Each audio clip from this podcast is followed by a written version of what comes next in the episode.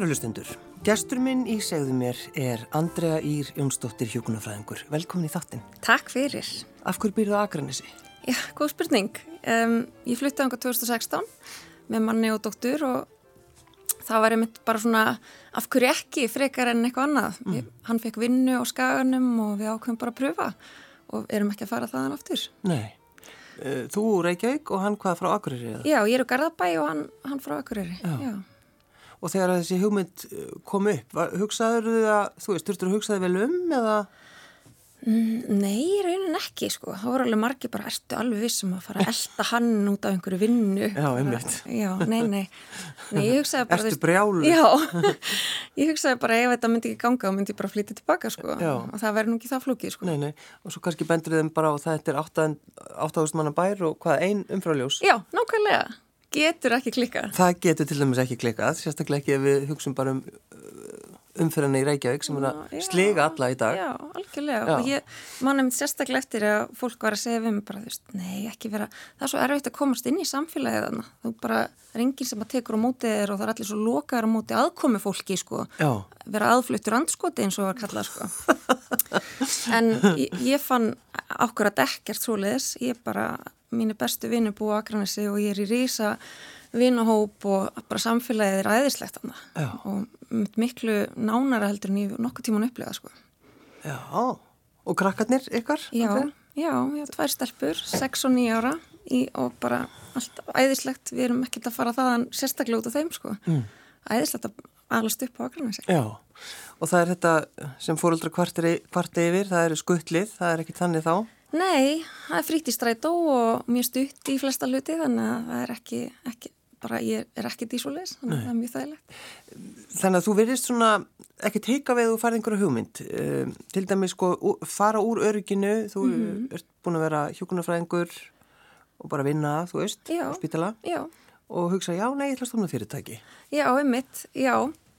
Það var svona pínu erfiðari ákvörun svona stærri ákvörðun heldur en að flytja á skala já, já, já, það var einhvern veginn að fara úr þessu öryggi sko, en samstagskonum mín og Stefani, hún var sérst búin að stopna þessa, hún búin að búa til þessa hugmynd, búin að stopna nafnið og svo leiðis og spyrja mig hvort mér langi ekki að vera með og það er hvað? Heilsulösnir Heilsulösnir, já, já og, og ég hugsaði hann bara þetta er æði, ég er til í þetta. Mm. og byrja bara svona sem hlutastarf og svo þegar kemur að þið bara alltaf mikið að gera þá þurft ég að taka ákverðin, nú þarf ég að fara að hætta á spítalunum og hætta í þessu öryggi sko og hérna það var mjög erfitt sko. Já. en ég sé ekki eftir því. Hva, Hvernig tekur þú svona ákverðin, þú veist?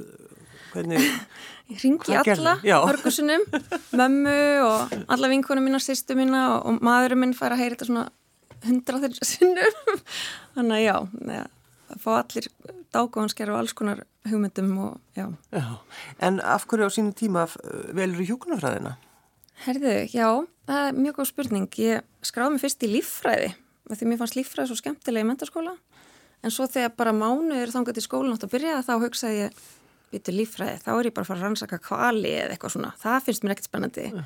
En það sem ég fannst spennandi í líffræði var mannslíkaminn og mér langaði ekki að vera læknir, ég vissi það þannig að hm, hjúgrafræði og þá myndi ég með þetta, amma mín sagði alltaf við mig því bara frá því að ég var pínlítir, bara þú er þér frábær hjúgrafræðingur Já, Þannig... hún er auðvitað hjúgrun og kona, það ekki, eða hvað? Já, það getur vel verið. Já, einmitt. En e, þegar þú tekur einmitt þessa ákvörðinu og hugsa, ég ætla ekki að vera læknir. Mm -hmm. ég ætla að vera hjúgrunafræðingur, af, af hverju? Nú ætla ég að reyna að vera ekki með neina fordóma því Jú, ég hef enga fordóma gangar læknum sko en ég upplýði þetta bara sem miklu meira námt við einstaklingin mm -hmm. mér langaði að vera þessi umhyggju aðli frekar en að koma inn ákveð meðferð og lappa svo út Já. þó að ekkert allir lækna sér svo leiðis en ég upplýði þetta svolítið þannig. Já. og mér langaði miklu frekar að vera ná, nær einstaklingum Já, Já akkurat. Það er nú einmitt margir sem segja þetta þegar þeir eru svona að velja þetta. Já, algjörlega mér langaði líka í ljósmáðufræði því að það var draumi mömmu minna sko en svo var ég bara svo ástfangin á hjúkurunni að hérna að, já, uh. það var ekki eftir snúi sko Hva, Hvaða, já, hvar varstu svo að vinna þegar þú varst búin með, með, með hjúkunarfræðina? Sko, ég var alltaf að vinna með námi mér varst það mjög mikilvægt til þess að fá færnina og svona, en svo fór ég á Slísó hérna uh, á, sem sagt, í fósvægunum uh, beint eftir útskrift og vann þar í fimm ár mm. og fór, flutti svo Akranis þess að ég vann í eitt ár samt og kerði á milli en svo flutti ég á Akranis og þá flytti mig líka á slísadildina þar árið setna og var þar í tvö ár. Ef að tala þessu um munin? Slís og Reykjavík og Slís og Akra Það er mikil munur. Um, og kannski aðalega fyrir þá sem vin, vinnaðar sko, og hafa búið á Akarnesi því það vita allir hverja allir eru. Akkurat. og bara já, þetta er Siggenar Þóru sem var hérna, þú veist, bara engin veit, eða þú veist, ég næ ekki þessum tengingum sko en já, það var rosalega áhugavert. Þetta var miklu svona hægara og rólegra og, og mér fannst meiri svona nánd millir starfsfólksins, meiri svona fjölskyldu. Já, mér fannst þetta mikið, mikið þægilegra. Já, já. Það er náttúrulega kannski svona, fólk talar um, þú veist, þennan hasar á slistildinni og margir sækja í það, sækja já, í einhvers konar spennu mm -hmm. í tengslum við sína vinnu. Já, mér finnst það rosalega skemmtilegt en ég fann mjög fljóta þetta e, myndi ekki fara vel með mig til lengdar, sko, Nei. og það var alveg hluta því okkur ég ákvaða að hætta, sko, 2017 mm. uh, út af álægi og það er náttúrulega bara búið að bætast í eftir það. Já, bara, við fylgjumst með því hvernig það er í dag, það Já. er bara það er bara hrigalegt. Og það er bara mjög fáir þar ennþá sem að voru þegar ég var, sko, sem er náttúrulega bara hræðilega sorglegt. Og það er akkurat þetta álag sem að fólk kvartar Já. yfir, ekki kvartar, það er bara, þetta, það er bara staðrindin. Já. Það er, það er þetta álag. Nákvæmlega. En um, svo eins og við töluðum um Andrea, þú ert alltaf að taka einhver ákvæðanir og þetta að fer, fara frekar í að, að fara inn í einhvað fyrirtæki. Mm -hmm. Sko, saknar þess að fara ekki, að mæti ekki á spítalan? Sko, stundum, sí, sko, núna síðast var ég að vinna á heilsugjæslinu á Akranesi og það kom mér rosalega mikið óvart hvað mér fannst það æðislegt. Mm. og ég held að svona ómeðvita þá er þeir sem er í svona bráðageranum og þá er heilsugjæslan eitthvað starf allt annar staðar. Og það er einmitt kannski smá fordómar sko. Já, þannig ég hugsaði bara það er eitthvað sem ég minna ekki fíla. Þið er eftir að hundlega og hérna fór bara inn í sem aflýsingum sko en svo fannst mér það gegja þarna var ég með bara veka, vera með fólki lengur og svona sinna í lengri tíma og maður kynntist fólki miklu betur og já það, og mér fannst ég geta gert svo mikið bara fljótt gegnum bráðgjöfi síma eða fá fólk til mín og þannig að það var gegja ég sakna þess oft sko Já það er akkurat einmitt ráðgjöf og Já. bara í gegnum síman sem hjálpar fólki. Já, ekkert smá Já. og ég var einmitt líka á leknavaktinni gegnum síma þar sem sagt og mér finnst þetta mjög skemmtilegt að geta maður getur gert svo mikið á stuttum tíma oft bara með því að miðla reynslu og hérna og svona, já, eitthvað sem fólk svona þegar fólki líður illa og er í einhverjum vandraðum að geta bara heimilt hlustað og, og hjálpa fólki. Svo. Já, eins og þú nefnir lagnavægtina, þá bara mm. ertu við síman og Já. bara getur henni verið hvað sem er eða hvað? Nei, þarna um, maður þurfti að vera á staðnum já. en já, það, mér fannst það eðislegt, bara virkilega skemmtilegt. Já, og þá þarf maður kannski að kunna hlusta. Já, það er mjög mikilvægt já. og bara í öllu bara allstæðar á spítalunum og er bara allstæðar í lífinu, þú verður að kunna hlusta sko, mm. að þú fer miklu meira á fólki og hlustar á það sko. Já, já, já. En eh, sko hvað er það sem við erum að gera? Herði, við erum sko tæknilega sem er þrýþægt að þjónustu. Við erum með hérna skólafræðslu, þar sem við ferum í skóla með alls konar forvarnafræðslu eins og til dæmis um výmefni eða sjálfsmyndina, skjálnótkun, svefn og alls konar.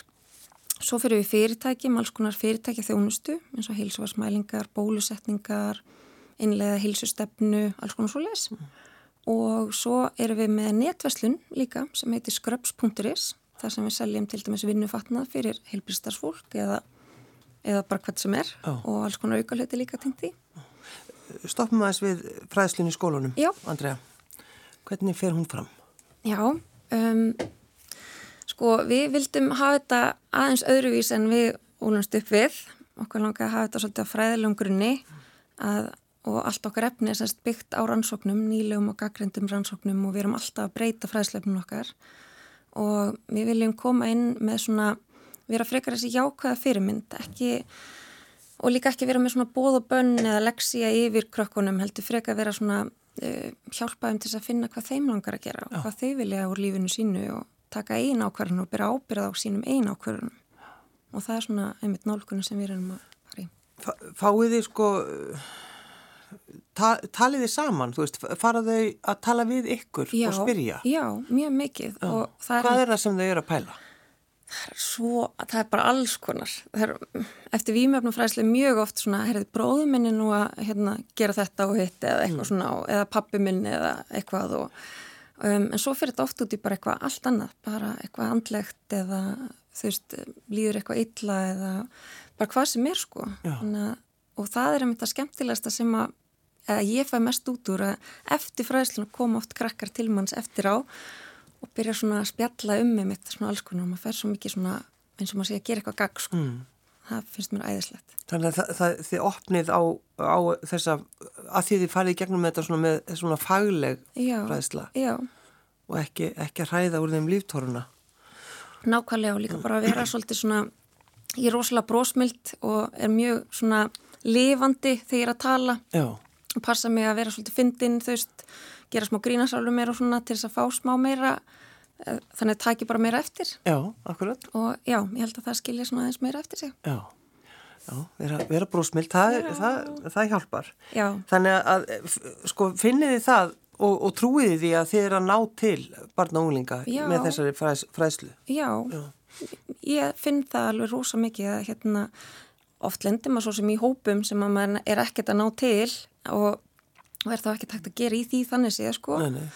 en mér finnst eitthvað skilja þess vera eftir þegar maður fer út sko og mér líður eins og þau hafi svona fengið, já, lært eitthvað já. og sérstaklega því við reynum að hvetja þá sem er að ráða okkur inn að hafa fóreldrafræðslu líka þannig að þau fái líka þessar upplýsingar og geti þá haldið þessar umræði áfram mm -hmm. og svo náttúrulega líka viljum við vera að koma inn á hverju ári þannig að það sé alltaf vera að halda þessu við. Já, einmitt. En aðeins með sko þessar heilsufarsmælingar sem Já. eru með. Mm -hmm. Þið semst, hvað, mætið fyrirtæki, mm -hmm. bara eins og kvíturstormsveipur. Nákvæmlega. Og, hérna, og fólk lapar híkandinn til ykkar, eða hvað? Já, jú, jú, margir mjög stressaðir. Já. Já, já, já, og hérna... Af hverju eru við stressuð þegar við erum að fara í gegnum svona? Ég held að fólk sé bara svolítið brent. Það er rosa margir sem að er hrættir að maður sé að fara skammað út eða er alltaf þungt. Mjög margir hérna bara ég veit að ég er alltaf feitur. Já. og maður, ég ætla nú ekki að tala um það en allt í lagi. Og hérna þannig að margir mæti í vörð og eru rosalega bara hrættir í raunni já. og hérna og eru ekki tilbúinu kannski að tala mikið í byrjun. En ég allavega þegar ég er að taka hilsvarsmælingar þá reynir ég að vera rosalega þú veist, benda þeim á jákvæði hlutina og byggja fólk upp frekar en að brjóta það niður og hvetja það áfram veist, og ef það er eitthvað virkilegt vandamál í gangi að þú veist, leiðbenna þeim hvert á að fara og hvað á að gera á jákvæðanhátt en ekki vera svona já, leksja yfir þeim og svona, mér finnst það ekki virka vel mm. Og hvað er það sem þið eru að hvað eru það að skoða? Um, við erum að skoða blóðþyrsting, púls við erum með lítið hjartalinritstæki Um, við erum með um, tökum kólestról, blóðsíkur, við erum oft með andlega spurningalista til að meta debur, kvíða og streitu. Um, við erum að taka mittis og mjöðma ummál, þá erum við að hugsa svona varandi hjartahilsuna og já, um, mat á einn hilsu, hvernig fólk upplifir sig, mm. hvort það finnst að vera hilsurhaust eða ekki og það er oft svolítið mikilvægt að spá í því líka. Andlið þátturinn er þarna stór. Þannig að, vill, þannig að fólk kannski bara neytar að horfast í augu við staðrindir? Já, og fólk hefur kannski bara aldrei spáð í því. Eða það, já. Og svo, já, hérna, alltaf þegar maður fær einhverja tölu þá svona metja þessi, já, ok, þarna er þetta upplifað kannski nokkuð heilsurhaustan, en hvað gæti þú gert til þess að þú upplifaði heilsurhaustari? Mm. Er eitthvað sem þú getur breytt í þínu fari sem gæti látið líða betur? Já. Og það er svona, já og í svona, þú veist, þú, þetta er kannski eitthvað fyrirtæki og, og þú -hmm. fær þarna inn mm sko svarar fólk, þú veist, eins og þessum andlegu spurningum, þú veist, eða heikar fólk hvernig upplifur það? Mér finnst flestir svara mjög hreinskilið Já oft færum maður samt, það er oft fyrir kannski svona eldri kallanir sem að svara bara núl í öllu, bara ég aldrei fundi fyrir neinum vandraðum bara, bara aldrei. Já, bara nokk, bara þetta er bara algjört bull. En já. hérna, langt flesti svara bara mjög hreinskilið og eru bara vanda sig virkilega. Maður sér oft bara búið króta út alls, þú veist, nei þetta var ekki alveg rétt svona frekar hérna og eitthvað svona. Þannig að, já, fólk er að spá þessu. Og eh, hefur þú upplifað það, Andrea, að eftir svona mælingu að, að þú hefur bara þurft að benda fólki á þú veist, bara akut eitthvað? Já, já, já, það hefur oft komið fyrir. Um, hvað er það þá sem að? Um, við hefum þurft að senda einstakling um, oft upp á slísadeild út að hafa um blóðþyrsting, eitt til dæmis fórum svo með sjúkraflug í bæin utan að landi já. í kjálfarið.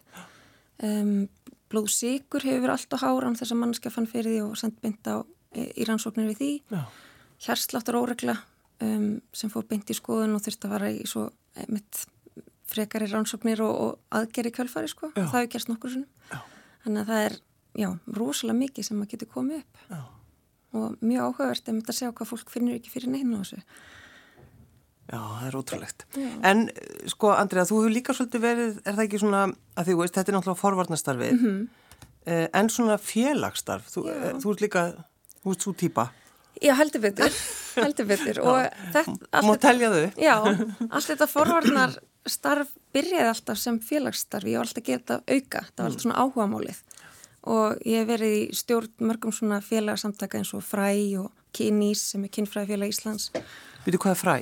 það er fræðsla á forvarnir sem að, e, er í rauninni fræðslu miðstöðum fíkni forvarnir og er félag bara, ég held að það er bara eitt elstu svona forvarnafélag um landsins og ég er mjög mikill aðdáðandi mm.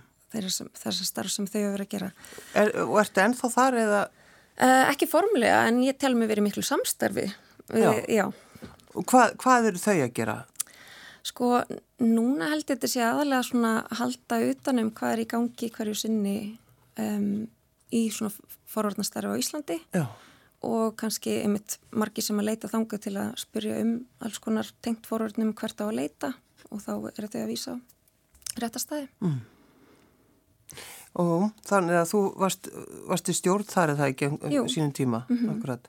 Eh, og, og einhverju fleiru, þú já, já, það? Jú, núna er ég formaður hjúgrunafræðinga á Akranesi og ég er eh, rítari í FKA, aðalstjórn FKA sem er mjög stæðislegt og er líka formaður tímtinna sem er góðgýrafélag sem var stopnað í eh, bara til minningar vinkonu minna sem lest í fyrra, tinnu Óskar Grímastóttur. Þannig já. Við skulum tala eins um hana. Já. Se, segðu okkur frá henni, Andrea. Já, hún var, hún var mögnuð, um, rosalega svona lifandi og brósmild týpa, jákvæð og bjart sín og gaf mjög mikið frá sér. Var hérna svona skafmaður í húða hár og var alltaf að halda einhver svona viðburði til að gleyða börn og, og skafamenn og alls konar þannig að... Kynnist henni þegar þú flyttur? Já, já, já menninnin okkar er að vinna saman já. og við verðum vinkunni í kjálfarið og, og hérna og einmitt tengjum svolítið, vorum bá, erum báður svolítið svona, erum mikið að grínast og, og gerum svolítið svona skringila hluti kannski og erum mikið í djókinu sko. Þannig að já, við áttum mjög skemmtilegt samband og e, í rauninni þegar hún veikist að þá kannski má segja að vinóttan okkar hafi bara styrst í kjálfarið sko. Af því að e, maður fann nefnitt líka svolítið mun á henni og maður fannst hún vera forgangsaða miklu meira einhvern veginn í lífið sín eftir að hún veikist. Hún fyrir að gera meira því sem að gaf henni ánægu og, og það sem henni fannst skipta máli í lífinu mm. sem að mér fannst svo aðdáðanært. Já, og, og sko það ferli þegar hún uh, uppgötar sín veikindi, hva, hvernig, hvaða leið fór hún? Herði, fór hún í skoðun eða hva, hvernig var þetta? þetta? Já, þetta var mjög langur aðrandi, hún var búin að vera með rosalega mikla verki í baki fyrst hm. um, í langan tíma og fer ekkert að leta skoða sig Og það er akkurat þetta. Nákvæmlega. Og hún var alveg, að, já, hún var alveg að drefustu verkjum sko. Og kefti sér hana rúm og skó og alls konar skilju. Það en, er mjög margir sem kemstu þetta. Og alveg það er ekkert að mér. Nei, þetta er líka 34 ára. Já, akkurat. En svo fær hún þessar miklu kviðverki og leitar aðstofar og fær vægast eftir ekki góða þjónustu. Það var bara vísa burt að því það var að tala um að hún væri bara andlega veik eða eitthvað, ég veit ekki hvað það var. Valla farið á spítala á æfisinni sko. Um, var það hér í Reykjavík? Nei, ég var á Akranesi Hvernig finnst þér að? Mér finnst það hræðilegt bara umulegt sko Já. og hún segir mér frá því ég mitt í kjölfarið og ég verð brjáluð og þú veist, segir segir mér við hann að þú átt skilið að fá þjónustu alveg sama hvað er í gangi, hvort sem það er andlegt. Þú veist, ef það veri vandamáli þá áttu mhm. auðvitað samt rétt á þessari þjónustu. Og ég fæði henni til að koma aftur og, og þá sérst uppgötast að húnum bæði með gata á rislinum sem er alltaf bara lífsættulegt og uh, þetta krabba minn sem, sem að maður er í risli og búið að dreifa sér í lifur á þessum tíma En að því hún nefnir þetta og þú veist, þú hyggar ekki til að segja þetta Nei. var, þú veist, hún fekk þessa, þetta á Akranissi það er oft sem er við, við Jú, við erum kannski fyrir að fanna að tala um þetta, það eru svona fordómar þeirra sem vinna á spítulum. Já, algjörlega. Og ég mitt, ég kynst í mjög mikið gegnum mitt starf og sem er umulegt og ég í rauninni tek það frekar sem lærdóm að svona vil ég ekki vera mm -hmm. og ég heik ekkert við ef að fólk er, ef ég finn fyrir einhverjar að koma ítla við einstaklingsskjólstæðing eða hvað er að hérna að þú veist eftir á þá bara tala ég um það sko, mér finnst það ekki lægi að það sé verið að koma ítla fram með fólk sko. Nei.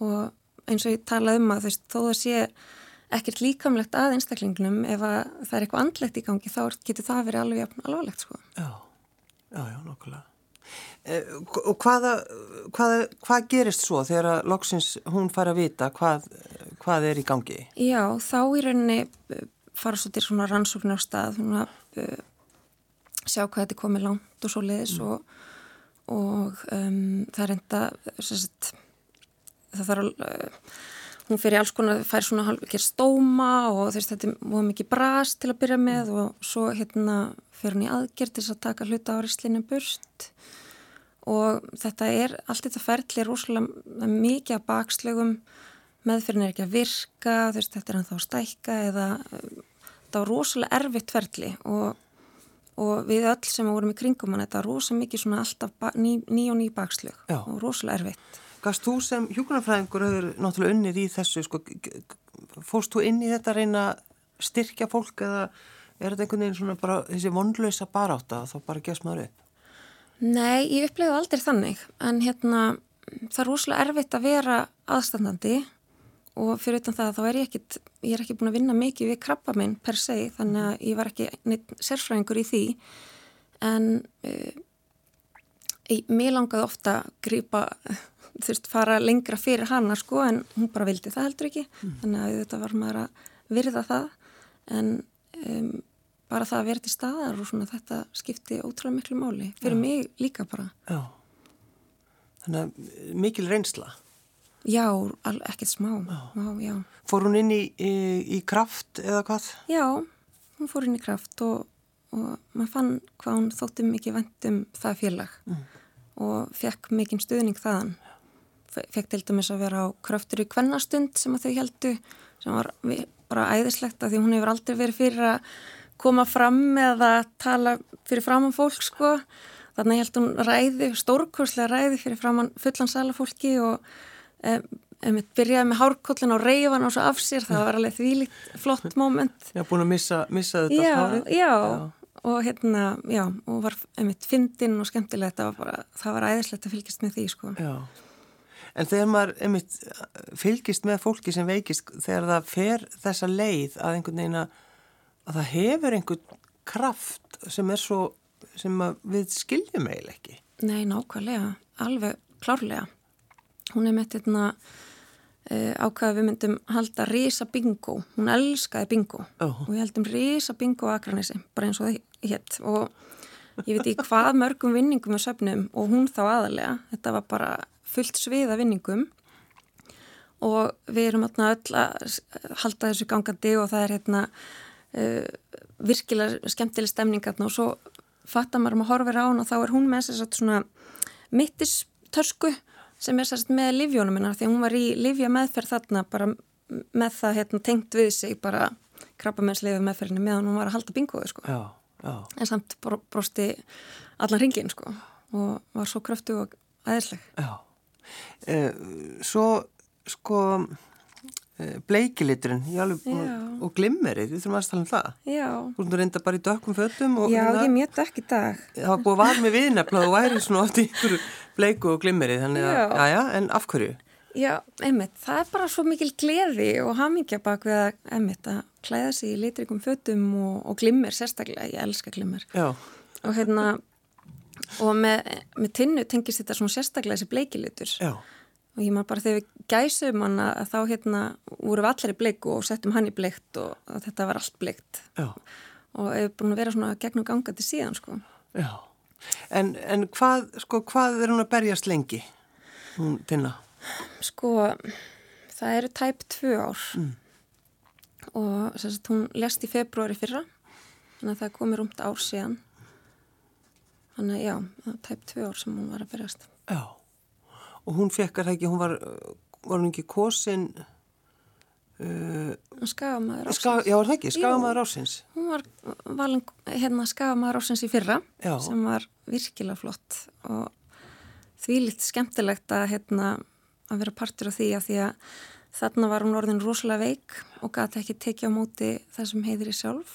Þannig að Við vorum nokkrar vinkonur og fjölskyldi meðlumir sem að fóru og tók á mútið sér fyrir hennar hönd sem var mjög erfitt en ofbúrslega mikilvægt og já, maður fylgist miklu stolti. Já, en er það þannig sko að því, þetta er svo, þetta er lítill bær Akranes, eins og þú talar um 8000 manns, já. þannig að þú veist, var, fylgist þá fólku með tinnu og hennar já, einhvern veginn lífsvilja og gleði? Það veit allir hver hún er. Já. Hún, hún ræk vestlun, sérsett, dótabúð á Akranesi og, og hérna svona merkingafyrirtæki og það vissi allir hver hún var. Hún Já. var svo mikil partur af samfélaginu sko og er það enn í rauninni. Já, og eru þið, eh, eru þið ekki með eitthvað svona, já eitthvað félag, tím? Tím Tinna. Tím Tinna? Jú, þetta byrjaði þegar hún var á lífi og hérna, í rauninni byrjaði bara þegar vorum að reyna að þess að gleyði hana í veikindunum fyrst mættu við mitt fyrir utan hjá henni eða tókum skrúðgöngu niður göttunannar hérna skritt öllum litunum og hérna búin að skreita pallbíl allan bleikan og með trúbátor á pallinum og já, og það var mjög skemmtilegt og í kjölfari fyrir við að gera alls konar eins og bingoið og heldum singalongstund og þetta var, já, það var ímislegt sem við gerum og tókum þátt í Reykjavíkumarathóninu og söpnum fullt af penning þar fyrir kraftið mitt já. og svo bara þegar hún veikist svo ennþá meira þá, þá bara kom ekkert annað til greina en þetta myndi halda áfram mm. að hérna, við myndum halda þessu áfram fyrir hana Já, þannig að þið ætlið að halda áfram að taka þátt í marathóni og sapna þá fyrir hvað, fyrir kraft eða, eða hvað? Já, sko við ætlum að gera ímislegt, við ætlum til dæmis að taka þátt í Reykjavík marathóninu en við sagt, erum að við okkur langar að styrkja alls konar félög, kraft og fleiri félög og einstaklingar líka sem þurfa á því að halda og reyna einmitt bara svona svolítið að dreifa gleði og jákvæðinni í leðinni og hafa eitthvað svona skemmtilegt að gera mm. einmitt kannski halda nýtt bingo og svona Sko bingo, Já. það er alveg það er alveg sér á parti Já, það er mjög skemmtilegt Já, þannig að þegar þú hugsaður um sko þessa ákvörðum þína að flytja á Akarnes mm -hmm. ef þú hefur ekki flytt, þá hefur aldrei kynst nei, tinnu? Nei, og vá, ég, það voru svo margir einstaklingar sem ég var að missa af, sko. Ég á svo mikið af æðislegum vinum að hérna, ég get ekki ímyndið mér að, sko. Þannig að, já, þetta er bara eitt af bestu ákvörnum sem við hefum tekið í lífunu. Já. Og það er alltaf verið að tala um, þú veist, já, hvernig ennur að keri bæinn. Já. eh, en þú þarf minnst, sko, ekki verið röð og ekki á ljósum. Nei, nokkulega. Þegar þú ert að keri bæinn, hvað, þú veist, ert að hlusta á eitthvað, ert í íhugun, hvað, hvað gerir þau? Já, ég gerir bara allt þetta. Ég hérna hlusta mikið á hljóðbækur og podcast og morgun út á spið mm. Og svo hlusta ég mjög mikið á tónlist og öskur syng með mm. en það finnst mér mjög gott til að reyna að gýra mig upp í daginn sko að hérna setja eitthvað rosalega resla og, og syngja hátt mm. með. Mm. En þegar maður vinnur svona við sko, veist, þetta forvarnastarf, Já. þarf maður að vera þólinnmóður? Já, alveg klárlega og hérna ég held að það bara tengist öllu í lífinu og, og sérstaklega kannski þegar maður er að vinna einhvað tengt tilbyrðiskerfinu sko að þólum að það skiptir miklu máli. Já, en sko að því að þetta virðist oft vera einhvern veginn svona vonlaust þegar þið verður að reyna að ná til fólks, þið, verður að gera þetta og þetta, veist, þetta er einhvern veginn svona Já, og ekki, mann finnst aldrei verið að setna á fjármagn í málinn og já, algjörlega. Já, maður getur orðið mjög pyrraður, ég skal alveg segja það, en já, nei, ég ég hef bara miklu að trúa á því að við getum gert svo miklu meira og mér langar að vera partur á því þannig að ég hugsa miklu frekar þannig hvað ég get gert Já. Þannig að, að, að sko þeir eru með mælingarnar mm -hmm. og, og þú svo líka veist, heimsækja fyrirtækjar mm -hmm. og halda fyrirlestra Jú, jú við erum með fræðslu fyrir fyrirtæki um hilsu og velíðan og næringu, reyfingu, svefn, alls konar Já, já Og hugsa þú sjálf vel um þína hilsu? Já, þetta var mjög góð spurning. Ég er mjög góð að miðla eh, upplýsingum til annara, ekki eins góð að hlusta á það sjálf. Nei, akkurat. Um, ég, ég, ég, ég mætti vera mikið dúleri að hérna, hugsa um helsuna en, en ég er helsu hraust og, og nota engin výmöfni eða neitt svoleiðis eða er ekki að stundan einn áhættu lífstíl en ég mætti til dæmis vera að reyfa mig meira og kannski svo leiðs helst. Já, já. Það er svona helst að vandamáli að gefa mér ekki tíma í það. En hefur, að því þetta er svona mikið, þú veist, félagsstarfi og allt þetta, en hefur, hefur eitthvað annað, hefur eitthvað áhugamál? Já, ég, mér finnst rosalega gaman að skapa eitthvað, eitthvað svona föndur eða baka eða eins og fyrir jólinn þá misti ég mig í perli svona eins og krakkarnir gera nema ég gerði þú veist margra bara risa risa myndir af alls konar og ég nefndi ekki að hafa henni uppskriftir þannig ég fór bara búið til eitthvað sjálf sko. Ég bjóst ekki við það að vera að perla en hérna þú veist það hefur alltaf eitthvað nýtt. Já, nei ég bjóst ekki við að ég myndi gera það heldur en svo hefur verið kertagerð og alls konar. Mér finnst mjög gaman að skapa eitthvað og vera svona listræn, mér finnst það mjög sauma föt, bara alls konar. Já Og var það strax uh, í, þegar þú varst í, í, hérna, veist, í, í grunnskóla og svona, varstu þá strax svona skapandi? Já, ég all, alltaf að teikna og syngja og ég manna það á píjónu á heimalinu og ég var ofta að búa til lög á píjónu og ég klamra bara eitthvað, ég lærið aldrei á píjónu en mér varst mjög gaman að búa til einhver lög og einhver svona, já, mér varst það mjög skemmtilegt búa til texta við eitthvað svona sem ég fann á píjónunu og já, já. þannig jú, ég hef alltaf verið svolítið svona skapandi þýpa. Já, en þetta kannski, þú veist, er kannski svolítið þitt áhagum á líka, Andri, að, að hérna halda okkur á tánum, segja okkur hvernig, hvernig við eigum að lifa lengur. Já, hvað? já, og ég hef með trúið því að, að það vera emitt skapandi og líka þessi andlið áttur að vera jákvæður og bjart sín og gefa af sér að þá græður svo mikið meira sjálfur líka. Mm, að þetta skiptir rosa miklu máli fyrir heilsuna og ég er rosalega hlindi að um þetta brosa og gefa af mér og mér finnst ég fá svo mikið tilbaka fyrir utan hvað mér finnst bara aðeinslegt að gleyði aðra sko. Já, já. Verður þú aldrei þreytt á því að umgangast fólk? Nei, mér finnst fólk aðeinslegt um, og mér finnst indislegt að fara með vinnum mínum til dæmis á tónleika, mér finnst það æði vera fremst og syngja hærra en þeir sem eru á sviðinu mér finnst það frábært og hérna nei, ég held ég leiðist aldrei að vera kringum fólk sko. mm. en auðvitað kemur stundu fyrir að maður fær alveg svona nóg og hérna þá er mitt bara gott að vera heima í, í kúri sko. mm. og, og perla og perla, nákvæmlega uh, Ég baði að velja lag Já Hvaða lag valdur þau? Herði, ég valdi You Are a No með Alanis Morissette en þetta er einmitt lag sem er búið að vera um, að keira mig í gang þegar ég er á leiðinni vinnuna mikið núna undarfarið og þegar mér líður eitthvað illa þá er hjálpa mikið að öskra við þetta lag. Já. Mér finnst það æðislegt. Þannig að þú notar, notar músikinu svolítið já, þannig? Já, já, alveg klálega. Tengi tónlist mikið tilfinningar. Já. Andrea Ír Jónsdóttir, hjókunarfræðingur. Takk fyrir að koma. Takk fyrir. I want you to know that I'm happy for you. I wish nothing but the best for you both. I know the version of me.